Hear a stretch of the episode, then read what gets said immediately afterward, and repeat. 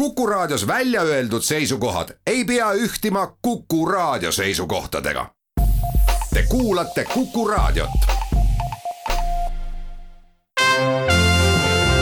Tallinna Filharmoonia esitleb Filharmooniline huvitaja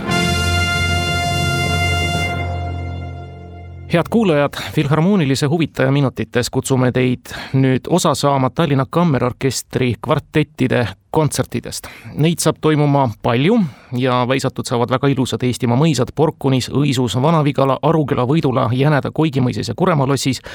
ja selle retke võtavad ette Tallinna Kammerorkestri neli kvartetti. ja hea meel on vestelda ühe kvarteti ühe osalise, särava viiuldaja Mari Targoga, tere Mari! tervist! Selline mäng pisemas ansamblis, kui seda on kvartett, kuidas see teile istub? väga-väga hästi, et see on asi, mida oleme ammu oodanud. kvartetis ja ansamblis mäng on eh, orkestrimängu eh, vundamendiks. et praegu on tõesti haruldane võimalus, et kõik orkestrandid on rakkes ja tegutsevad väga detailselt ja tehniliselt muusikalise, muusikalise sellise toreda ansamblimänguga, mis toetab kindlasti edaspidi orkestrimängu. nii et on korralikuks vundamendiks ja baasiks, nagu te nimetasite ja kindlasti ka väga hea vaheldus. absoluutselt, just nimelt, täpselt see ise, isekeskis arutamine, otsustamine ja, ja ka kolleegide lähemalt tundma õppimine on kindlasti üks, üks selline huvitav faktor kahe päeva peale on jaotatud välja väga paljud kontserdid, kuidas te nüüd logistiliselt olete ennast seadnud ja, ja sättinud?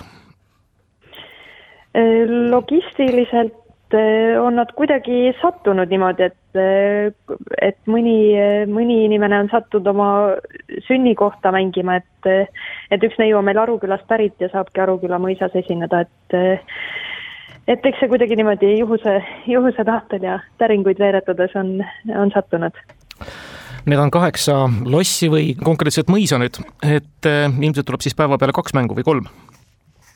Eh, no üks kvartett esineb eh, laupäeval ja pühapäeval, aga siis kolm kvartetti tõesti teevad pühapäevasel päeval igaüks kell kolm ühe kontserdi ja kell kuus ühe kontserdi. ja siis peavad vastavalt ühest kohast järgmisesse õigeks ajaks jõudma. et see on päris, päris hea väljakutse ja selline lahe, lahe ettevõtmine, et tegelikult sellise vahega kontserti järjest teha on, on pingeline kindlasti, aga ka huvitav. kas ka mängitav muusika on väljakutse? Beethoven, Sumera, Tormis, Kõrvits ja Erkki Sven Tüür, no need on teil tegelikult ju vaata et igapäevaselt nii-öelda lektüüris sees jah, aga ütleme, et Beethoven siin mängibki seda võtmerolli ja et, et tema juubeliaasta, kahesaja viiekümnes Äh, aasta tema sünnist. Äh, ja et, et Beethoven, just nimelt nagu see kvartetimäng on orkestrimängu vundament, siis Beethoven on üldmuusikaliselt ka üks selline väga hea äh, alustala, millest igale poole mujale edasi minna. kas te mängite konkreetselt kvartettidele kirjutatud palasid või ikkagi seadeid? ikkagi kvartettidele kirjutatud muusikat, jah. et täiesti, et Beethoveni ajal oligi see kvarteti äh, Äh, mäng hästi kõrgel au sees, et seda harrastati ka kodudes, aga et see Beethoveni kirjutatu on ikka tõeline koore, koorekiht.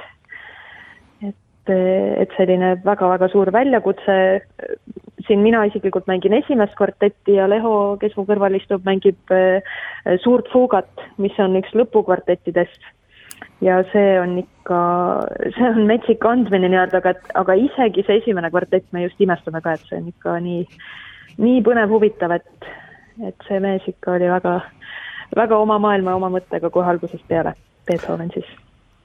kõlab tegelikult väga väljakutsuvalt ja ahvatlevalt, Mari, kuidas teie mängunäljaga lood on? Äh, kuidas, palun? kuidas on teie et... mängunäljaga lood? mängunäljaga? jah äh, see on ikka väga suur peale, peale puhkust siin, peale kevadist puhkust et ja ansamblimängu ka meil mitu aastat on jäänud vahe kammermuusika sarjas, aga nüüd sügisel tahame kindlasti jätkata. et, et saab ansamblimänguga jätkata ja võib-olla Leho oskab äh, lähemalt midagi meie ansambli plaanidest rääkida. ja jätkates nüüd osutlust tšellist Leho Karin, tere päevast! jah, tere!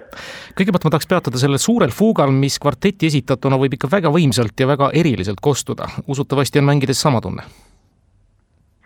muidugi, ta on ju tegelikult noh, kui rääkida suurest fuugast, siis see oli algselt eh, tema kolmeteistkümnenda kvarteti viimane osa.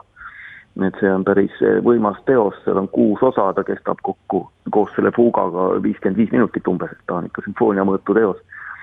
ja, ja noh, omas ajas oli, omast ajast oli see suur fuuga viimase osana oli nii palju ees, et, et ta lihtsalt ei jõudnud ei mängijatele ega ka publikule kohale. Ja, ja seda lugu lihtsalt tänu sellele ei mängitud, et seal oli nii raske viimane osa. Ja, ja siis Beethoven oli sunnitud sinna tegelikult kirjutama äh, uue osa finaaliks, mis, mis ühtlasi oli ka tema viimane teos üldse, mis ta kirjutas. ja siis see suur fuuga anti eraldi teosena välja, aga noh, meie siin Beethoveni juubeliaastal nüüd ikka üritame tulla talle vastu ja, ja mängida selle loo ära nii, nagu ta selle algselt oli plaaninud, koos selle suure fuugaga väga võimas väljakutse no,. ja, jah, jah, et kui neist hilistest kvartetidest rääkida, siis, siis noh, kõik teavad Beethoveni üheksandat sümfooniat ja noh, pärast seda kõik tema hiline periood, ta ju elas pärast seda veel, eks, äh, neli aastat.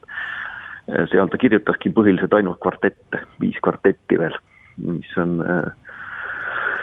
mis on muidugi tõeliselt rasked ja, ja suured teosed ja, ja väärivad kindlasti esitamist. et selles mõttes eks meie ülesanne võikski olla nüüd seda kvartetimuusikat äh, rohkem nagu kuulajani tuua selles mõttes, et see on väga väärt muusika. Ja kui oma, omal, omal ajal oli, oli ta muidugi nii populaarne tegija, Beethoven, et talle maksti nende kvartettide eest lihtsalt niivõrd palju rohkem kui sümfooniate eest, sellepärast ta neid kirjutas. Ega elu võib teinekord olla ka lihtne, lihtne selles mõttes, et ta lihtsalt nagu, nagu maksti üle ja muidugi neid kvartette oli ka lihtsam esitada kui sümfooniad, et seal tollel ajal ikkagi see kontserdielu ei olnud nii välja kujunenud ega ei olnud palgalisi orkestreid ega midagi väga pragmaatiline. Leho Karin, millised ja, on ja. teie ansambli plaanid nüüd edaspidiseks, kui need kaheksas, üheksas august ja Eestimaa mõisad on väisatud ja läbi mängitud? noh, me ju kõik tegelikult töötame siin kammerorkestris. Et eh, on ju lootus, et võiks need mängida ka kuskil sügise poole siin Tallinnas.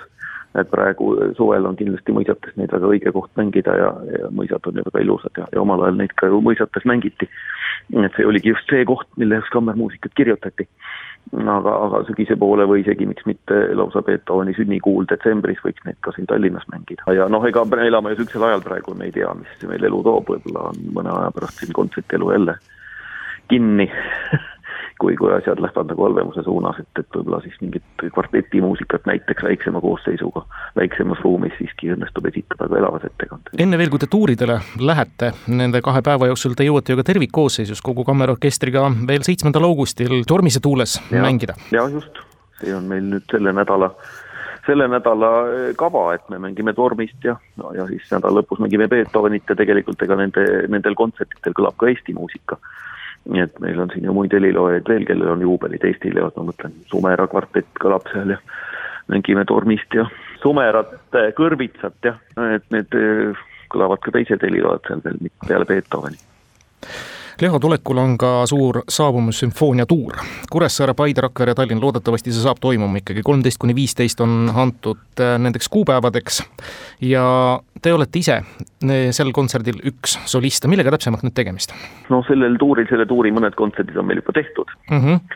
et, et nüüd siis tuleb see teine pool ja see on Tõnu Kaljuste idee, kus ta keeras nagu tagurpidi selle Haydni Haydni mõte oma lahkumissümfooniaga, kus muusikud läksid ära, et väljendada siis äh, Vürst Esterhaasile oma soovi, et ta tahaks puhkust saada ja, ja üldse võib-olla paremaid töötingimusi, nii et Tõnu on keeranud selle tagasi teistpidi, et me nüüd justkui saabume pärast seda sunnitud pausi ja, ja need Aidni sümfoonia osad on vaheldumisi Pärdi teostega. kõike seda kaunist ootama jäädes oleme väga tänulikud teile, Leho Karin ja ka Mari Targo, soovime teile edu, jõudu ja kohtumiseni siis juba nädalavahetusel Eestimaa kaunites mõisades Tallinna Kammerorkestri kvartettide kontsertidel. aitäh!